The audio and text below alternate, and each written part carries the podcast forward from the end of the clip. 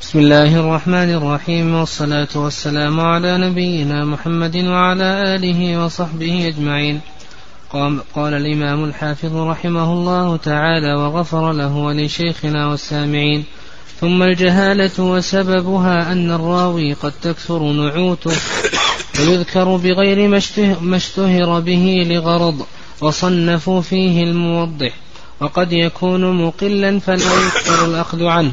وصنفوا فيه الوحدان أو لا يسمى اختصارا وفيه المبهمات ولا يقبل المبهم ولو أبهم بلفظ التعديل على الأصح.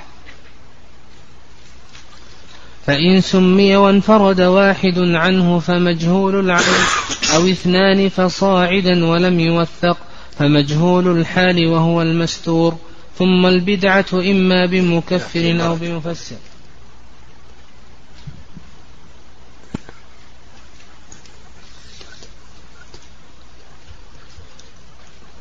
بسم الله الرحمن الرحيم. الحمد لله رب العالمين والصلاة والسلام على نبينا محمد وعلى آله وصحبه أجمعين. قال المؤلف رحمه الله ثم الجهالة قوله ثم الجهالة هذا هو القسم الثاني من أقسام المردود بعد المخالفة وهي, المجه... وهي الجهالة. لأن الرد ها له سببان. السبب الأول المخالفة والسبب الثاني الجهالة. تقدم لنا ما يتعلق بالمخالفة. وهنا ذكر المؤلف رحمه الله السبب الثاني من أسباب الرد وهي الجهالة.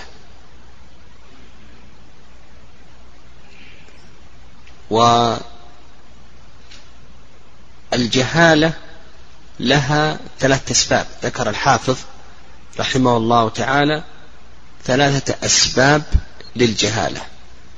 نعم السبب الأول قال لك وسببها هذا السبب الأول أن الراوي قد تكثر نعوته فيذكر بغير ما اشتهر به لغرض وصنف فيه الموضح. قد تكثر نعوته.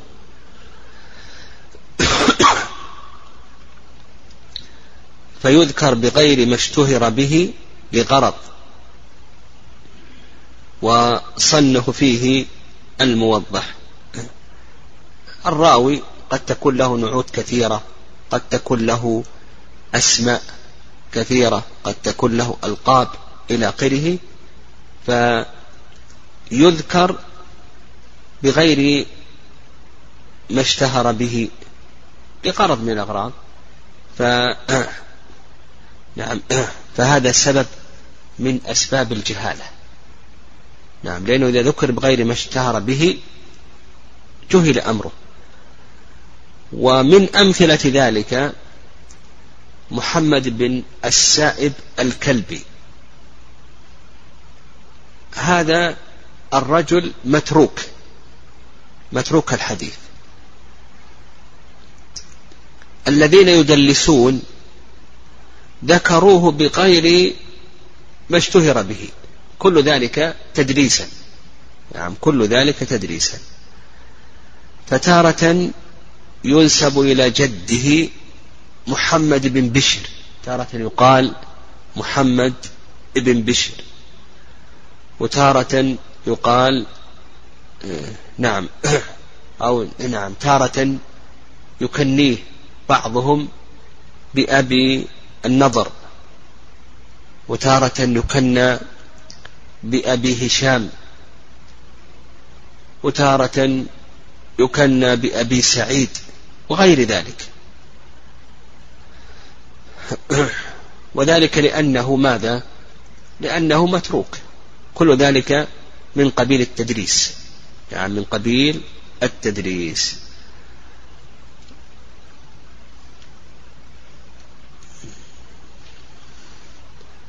وقال الحافظ رحمه الله وصنفوا فيه الموضح في أوهام الجمع ومن وممن صنف فيه الخطيب رحمه الله تعالى. الخطيب رحمه الله تعالى توسع في التصنيف في مصطلح الحديث وهذا يدل على سعة باعه.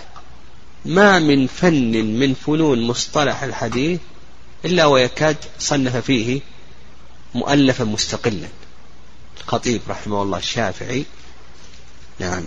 ومن ذلك يعني من ذلك هنا ما يتعلق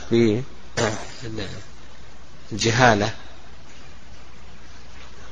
أن الراوي قد يسمى بغير ما اشتهر به لغرض هنا غرض التدريس. فالخطيب رحمه الله صنف فيه الموضح. وطريقته أنه يأتي للراوي بأسماء وكنى وألقاب فيعده بعض المحدثين بعض المحدثين اثنين أو ثلاثة ويتبين بعد أن يسوق الطرق المبينة لذلك يتبين أنه رجل واحد. نعم أنه رجل واحد لكن سمي بغير ما اشتهر به. نعم سمي بغير ما اشتهر به. هذا السبب الأول من أسباب الجهالة. توقع في الجهالة أن الراوي يسمى بغير ما اشتهر به فيجهل أمره.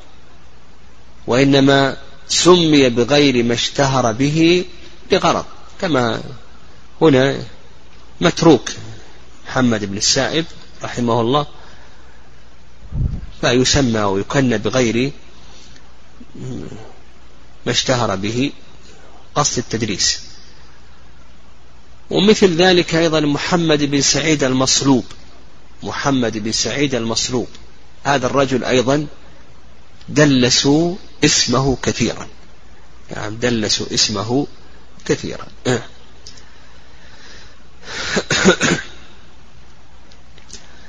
قال وقد يكون مقلا فلا يكثر الأخذ عنه وصنفوا فيه الوحدان.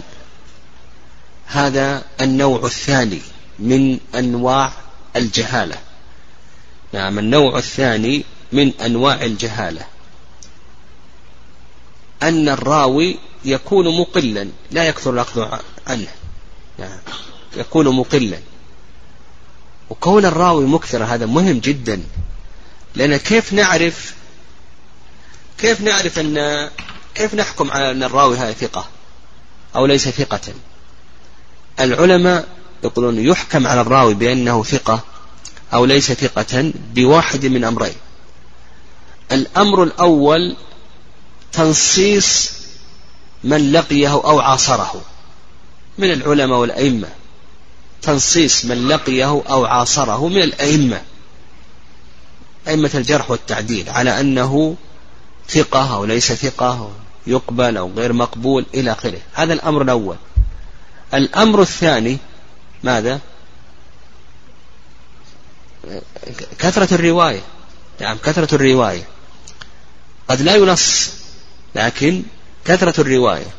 فإذا أكثر من الرواية فإننا نقارن ما رواه بما رواه غيره. وحينئذ يتبين لنا هل عنده ضبط أو ليس عنده ضبط إلى آخره. فمعرفة كون هذا الراوي ثقة أو ليس ثقة إلى آخره طريقه ماذا؟ ها؟ طريقان نعم طريقه طريقان الطريق الأول تنصيص من عاصره أو لقيه من الأئمة على ثقته أو عدم ثقته والطريق الثاني كثرة الرواية لكي نقارن أحاديثه بأحاديث الذين شاركوه. فإذا قارنا أحاديثه بأحاديث الذين شاركوه يتبين لنا هل ضبط أو لم يضبط. ولهذا قال لك الحافظ رحمه الله قال لك وقد يكون مقلا فلا يكثر الأخذ عنه وصنف فيه الوحدان هذا النوع الثاني من أسباب الجهالة. نعم هذا النوع الثاني من أسباب الجهالة. إذا كان مقلا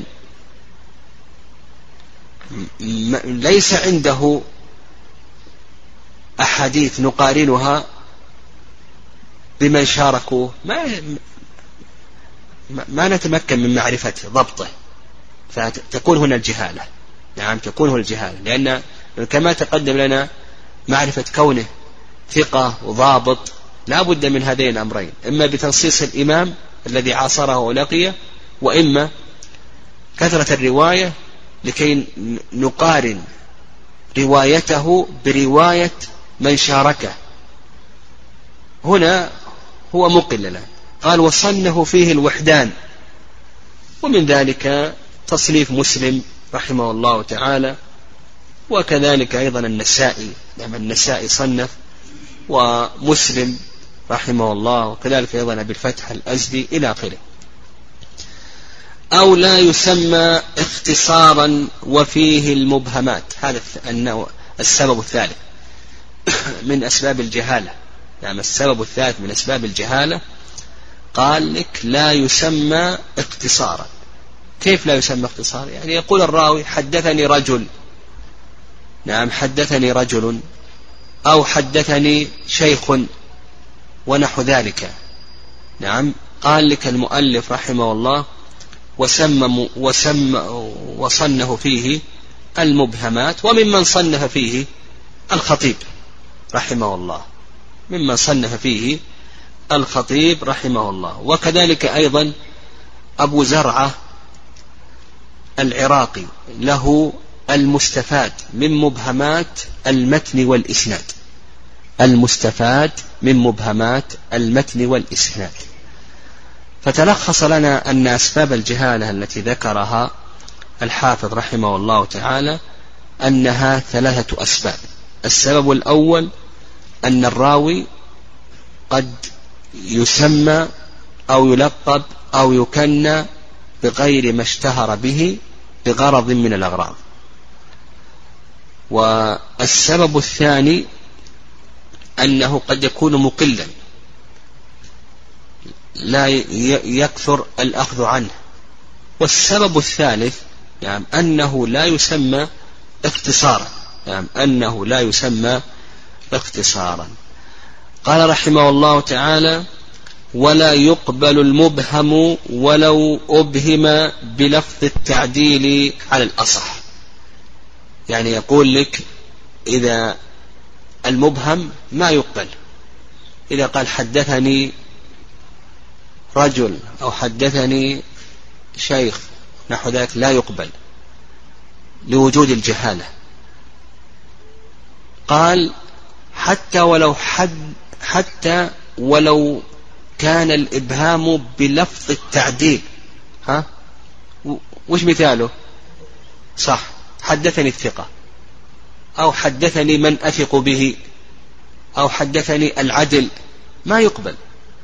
لا بد أن نعرف من هو هذا الرجل. نعم ولهذا قال لك ولا يقبل مبهم ولو أبهم بلفظ التعديل على الأصح كما لو قال حدثني من أثق به أو حدثني الثقة. وأكثر من يستعمله الشافعي رحمه الله. الشافعي يستعمل ذلك. وارجع إلى كتاب الأم. من كتب الشافعي. تجد ذلك. واستقرأ العلماء رحمه الله قول الشافعي ما حدثني الثقة وحدثني من أثق به إلى آخره فوجدوا أنه يروي عن عن غير ثقات. نعم عن غير ثقات. مثل إبراهيم بن أبي حبيب ومسلم بن خالد الزنجي. نعم مسلم بن خالد الزنجي وإبراهيم بن أبي حبيب إلى آخره. وهذان ليس من الثقات. ولهذا قال لك نعم لا يقبل المبهم ولو أبهم بلفظ التعديل على الأصح. نعم. مع أن الحافظ رحمه الله شافعي وهو يشير إلى الإمام الشافعي رحمه الله. وهذا من باب العدل. نعم. نعم. نقف على هذا. والله أعلم. صلى الله وسلم. وبارك